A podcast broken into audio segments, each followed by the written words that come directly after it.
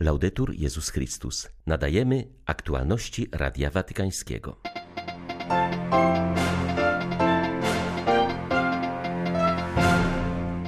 Papież Franciszek udzielił sakramentu chrztu dzieciom pracowników Watykanu. Zgodnie z tradycją msza sprawowana była w kaplicy sykstyńskiej w święto chrztu pańskiego.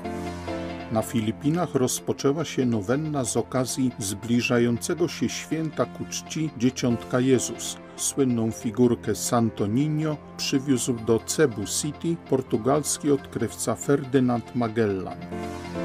Brazylijski kościół pomaga ofiarom cyklonu w stanie Bahia. Przedstawiciele episkopatu i Caritas towarzyszą wysłannikom międzynarodowych organizacji i organizują zbiórki artykułów pierwszej potrzeby. 9 stycznia witają Państwa ksiądz Krzysztof Ołdakowski i Łukasz Sośniak. Zapraszamy na serwis informacyjny. Po rocznej przerwie wywołanej pandemią papież Franciszek znów udzielił sakramentu chrztu dzieciom pracowników Watykanu. Zgodnie z tradycją msza sprawowana była w kaplicy sykstyńskiej w święto chrztu pańskiego. Ceremonia odbyła się z uwzględnieniem obostrzeń sanitarnych. Ojciec Święty ochrzcił dziewięć dziewczynek i siedmiu chłopców. W improwizowanej homilii mówił o zadaniu rodziców i chrzestnych. Te dzieci dzisiaj przychodzą tu z ogołoconą duszą, aby otrzymać usprawiedliwienie Boga, moc Jezusa, siłę, aby iść w życiu naprzód, aby otrzymać tożsamość chrześcijańską. A wy, rodzice i rodzice chrzestni, musicie strzec tej tożsamości. Jest to dzieło na całe życie, ale będziecie to czynić z pomocą światła, które dzisiaj otrzymają. To jest przesłanie dnia dzisiejszego. Strzeżcie chrześcijańskiej tożsamości waszych dzieci.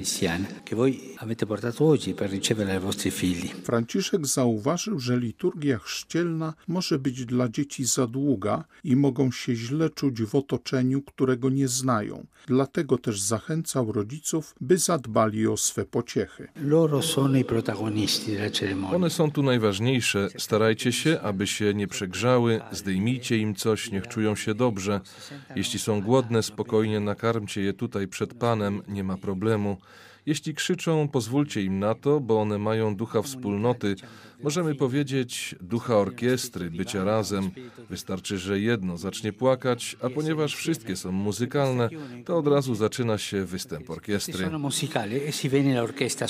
Zwyczaj chrztu dzieci w kaplicy sykstyńskiej wprowadził święty Jan Paweł II w 1981 roku. Dzisiejsza Ewangelia ukazuje nam Jezusa, który z jednej strony stępuje ku nam, z drugiej wznosi wzrok i serce w modlitwie do Ojca, powiedział papież w rozważaniu przed modlitwą Anioł Pański. Franciszek zwrócił uwagę, że Jezus stanął w kolejce z grzesznikami, zszedł w wody Jordanu, jak w zranione dzieje ludzkości, aby je uzdrowić. Ojciec Święty podkreślił, że Jezus w momencie, w którym przyjmuje od Jana chrzest, modli się. Modlitwa zawsze była dla niego żywym dialogiem, zażyłą relacją z Ojcem. Pan udziela nam wielkiej lekcji, że jeśli nie chcemy zostać przygnieceni przez problemy codzienności, powinniśmy wszystko, co nas spotyka, wznieść ku górze. Modlitwa nie jest drogą ucieczki od problemów, modlitwa nie jest magicznym rytuałem ani powtarzaniem wyuczonych na pamięć pieśni. Nie. Modlitwa jest sposobem na to, aby pozwolić Bogu działać w nas, by pojąć to, co chce nam On przekazać nawet w najtrudniejszych sytuacjach. Modlimy się, żeby mieć siłę iść naprzód. Tylu ludzi, którzy czują, że nie dają rady, błagają: Panie, udziel mi siły do podążania naprzód. Modlitwa pomaga nam, ponieważ jednoczy nas z Bogiem, otwiera nas na spotkanie z Nim. Tak, modlitwa jest kluczem, który otwiera serce na Pana. Jest to dialog z Bogiem, jest to słuchanie Jego słowa, to adoracja, trwanie w milczeniu i powierzanie Mu tego, czym żyjemy. Franciszek zaznaczył, że modlitwa otwiera niebo, daje życiu tlen i przestrzeń do oddychania, również podczas trudnych chwil oraz pozwala zobaczyć sprawy w szerszej perspektywie. Przede wszystkim pozwala nam doświadczyć tego samego, co Jezus przeżył nad Jordanem. Sprawia, że czujemy się dziećmi umiłowanymi przez Boga. Także do nas, gdy się do Niego modlimy, Ojciec mówi jak do Jezusa w Ewangelii: Ty jesteś moim synem umiłowanym. Nasze bycie dziećmi rozpoczęło się w dniu naszego chrztu, który zanurzył nas w Chrystusie i uczynił nas umiłowanymi dziećmi Ojca. Nie zapominajmy o dacie naszego chrztu. Jeśli bym teraz zapytał każdego z Was, jaka jest data Twojego chrztu, być może niektórzy jej nie pamiętają, to jest bardzo piękna rzecz pamiętać o dacie chrztu, ponieważ jest to nasze odrodzenie, moment, w którym staliśmy się z Jezusem dziećmi Bożymi. I kiedy powrócicie do domu, jeśli tego nie wiecie, zapytajcie mamę, ciotkę, babcię, dziadków, kiedy zostałem ochrzczony lub ochrzczona i nauczmy się z tej okazji świętować, aby dziękować Panu. I dzisiaj zapytajmy siebie, jak przebiega moja modlitwa. Czy modlę się z przyzwyczajenia, modlę się niechętnie, recytując tylko formułki, lub czy moja modlitwa jest spotkaniem z Bogiem? Czy pielęgnuję zażyłość z Bogiem, prowadzę z Nim dialog, słucham Jego słowa? Wśród wielu rzeczy, które robimy w ciągu dnia, nie zaniedbujmy modlitwy, poświęcajmy jej czas, stosujmy krótkie wezwania, które często powtarzajmy, czytajmy codziennie Ewangelię. Modlitwa otwiera niebo. Papież zapewnił o modlitwie za wszystkie dzieci, które w obecnym okresie przyjmują chrzest przekazał im swoje błogosławieństwo i polecił je opiece Matki Bożej. Franciszek zachęcił do modlitwy w intencji Kazachstanu. Bólem ogarnęła mnie wiadomość o ofiarach protestów, które wybuchły w ostatnich dniach w Kazachstanie. Modlę się za nie i za ich rodziny oraz mam nadzieję, że harmonia społeczna zostanie jak najszybciej przywrócona poprzez poszukiwanie dialogu, sprawiedliwości i wspólnego dobra. Powierzam naród kazachski opiece Matki Bożej, Królowej Pokoju z Oziornoje. Madonna, Regina della Pace, Dio Pogrążonemu w kryzysie światu papież Franciszek oferuje nie tylko mapę drogową, ale i kompas potrzebny do dokonania koniecznych zmian wskazuje na to Elisabeth Beton Delegue, pierwsza w historii kobieta, która była ambasadorem Francji przy stolicy apostolskiej. Podsumowując swoją misję, zauważa, że Watykan pozostaje światem wciąż zamkniętym na kobiety, a za pionierskimi decyzjami Franciszka w tej kwestii musi pójść prawdziwa polityka kadrowa. Ustępująca ambasador wyznaje, że pobyt w Rzymie pomógł jej zrozumieć, czym jest Kościół. Zauważa, że odkryła też watykański świat kobiet, które są prawdziwym zaczynem zmian w Kościele. Gdyby Kościół nie znalazł sposobu na integrację kobiet, to stopniowo by je tracił i ubożał, mówi ambasador Beton Delegue. Zrozumiałam tutaj, czym jest Kościół, który ma powołanie do bycia powszechnym i jak to się wyraża w różnych językach. Zrozumiałam, że jest to coś więcej niż tylko instytucja, która czasami może być uciążliwa czy wręcz hamująca. Trwałość Kościoła jest czymś niezwykłym, podobnie jak refleksja nad przyszłością, która nie jest przecież napisana. Jest to tym większe wyzwanie, że opiera się na instytucji, której ograniczenia są wyraźnie widoczne. Jest to więc tajemnica wiary, tajemnica transcendencji. W czasach, gdy żyjemy raczej w zawieszonym czy płynnym świecie, poszukuje się transcendencji. Ona istnieje, odradza się i są miejsca, gdzie można jej doświadczyć. Dla mnie jest to początek pewnego doświadczenia. C'est plutôt, euh, c'est plutôt le début d'une expérience.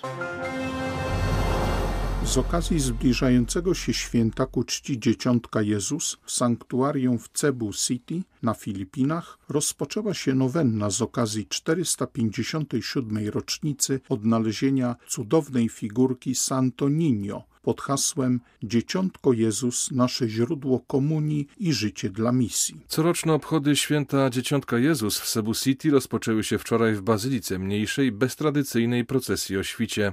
Rektor Bazyliki w homilii zachęcał wiernych uczestniczących w nabożeństwie przez internet, aby pomimo samotności i izolacji, jakiej doświadczyli po zniszczeniach spowodowanych tajfunem Raj i ciągłym zagrożeniem COVID-19, nie tracili nadziei i modlili się o zakończenie pandemii.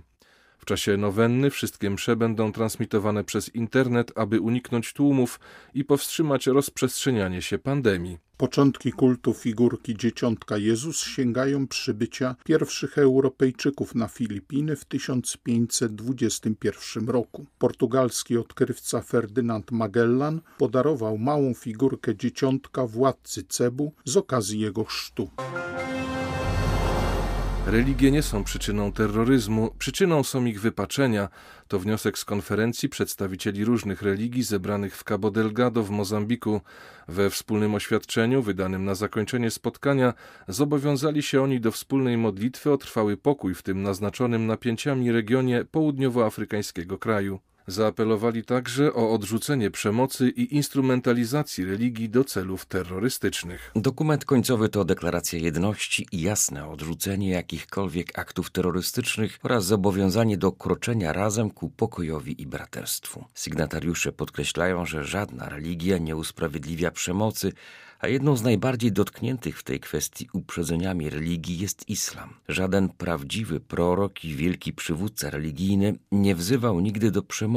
Religia ma na celu budowanie szczęścia, pojednania i pokoju, Dlatego dystansujemy się od ludzi, którzy wykorzystują doktryny religijne do usprawiedliwienia przemocy i potępiamy ich działania, czytamy w dokumencie. Przywódcy zaznaczyli, że dialog i wzajemne poznanie to fundamenty tworzenia społeczeństwa zintegrowanego. Przyznali, że szczególną uwagę należy poświęcić młodym, którzy najczęściej wpadają w sieci ekstremizmu, konieczne jest towarzyszenie im oraz tworzenie mechanizmów pomocy psychologicznej i duchowej. Przedstawiciele brazylijskiego episkopatu i Caritas towarzyszą wysłannikom Unii Europejskiej, UNICEF i Caritas Szwajcarii, którzy przybyli z pomocą poszkodowanym przez cyklon mieszkańcom stanu Bahia. Ulewne deszcze spowodowały w tym regionie śmierć 26 osób, 518 rannych i ogromne szkody materialne. Ponad 30 tysięcy osób pozostaje bez dachu nad głową. W sumie dotkniętych tragedią jest ponad 715 tysięcy osób. Zebrane dary w postaci pieniędzy, jak też żywności, ubrań, materiałów higienicznych są dostarczane przez wolontariuszy Caritas najbardziej poszkodowanym osobom. Kościół jest świetnym pośrednikiem w kontakcie z władzami cywilnymi, ponieważ jest obecny na terenie całego terytorium. Dlatego też Kościół może przedstawić rzeczywistość władzom cywilnym, dla których często realia występujące w terenie nie są znane. Jesteśmy w stanie wspierać władze administracyjne, podkreśla biskup Giovanni Crippa z diecezji Ilieusz. Z kolei biskup Carlos Albertos dos Santos z diecezji Itabuna zaznacza, że solidarność na rzecz poszkodowanych jest bardzo duża. Z Brazylii dla Radia Watykańskiego ksiądzisa Malczewski Chrystuszowiec. Wielkim społecznym wyzwaniem 2022 roku jest skuteczna walka z dostępem do pornografii dla nieletnich są szanse, że Wielka Brytania stanie się pierwszym krajem na świecie, który wprowadzi prawną ochronę dzieci w tej dziedzinie. W 2017 roku parlament zatwierdził przepisy wymagające od witryn weryfikacji wieku odwiedzających i usuwania ekstremalnej pornografii. Po serii opóźnień brytyjski rząd dokonał zwrotu o 180 stopni i kontrole wieku zostały zniesione. Następnie, kiedy po raz pierwszy opublikowano projekt ustawy o bezpieczeństwie w internecie, nie było nawet wzmianki o weryfikacji wieku. Problem powrócił i właśnie teraz rząd Wielkiej Brytanii rozważa ustawowe wprowadzenie odpowiednich regulacji. Presję na wprowadzenie jakichkolwiek byle skutecznych rozwiązań wywierają organizacje społeczne. Koalicja na rzecz bezpiecznego internetu grozi pozwem, jeśli brytyjski organ nadzorujący dane nie wprowadzi weryfikacji wieku w komercyjnych witrynach z pornografią. Dla Radia Watykańskiego Elżbieta Sobolewska-Farbotko, Radio Bobola, Londyn. Były to aktualności Radia Watykańskiego. Laudetur Jezus Chrystus.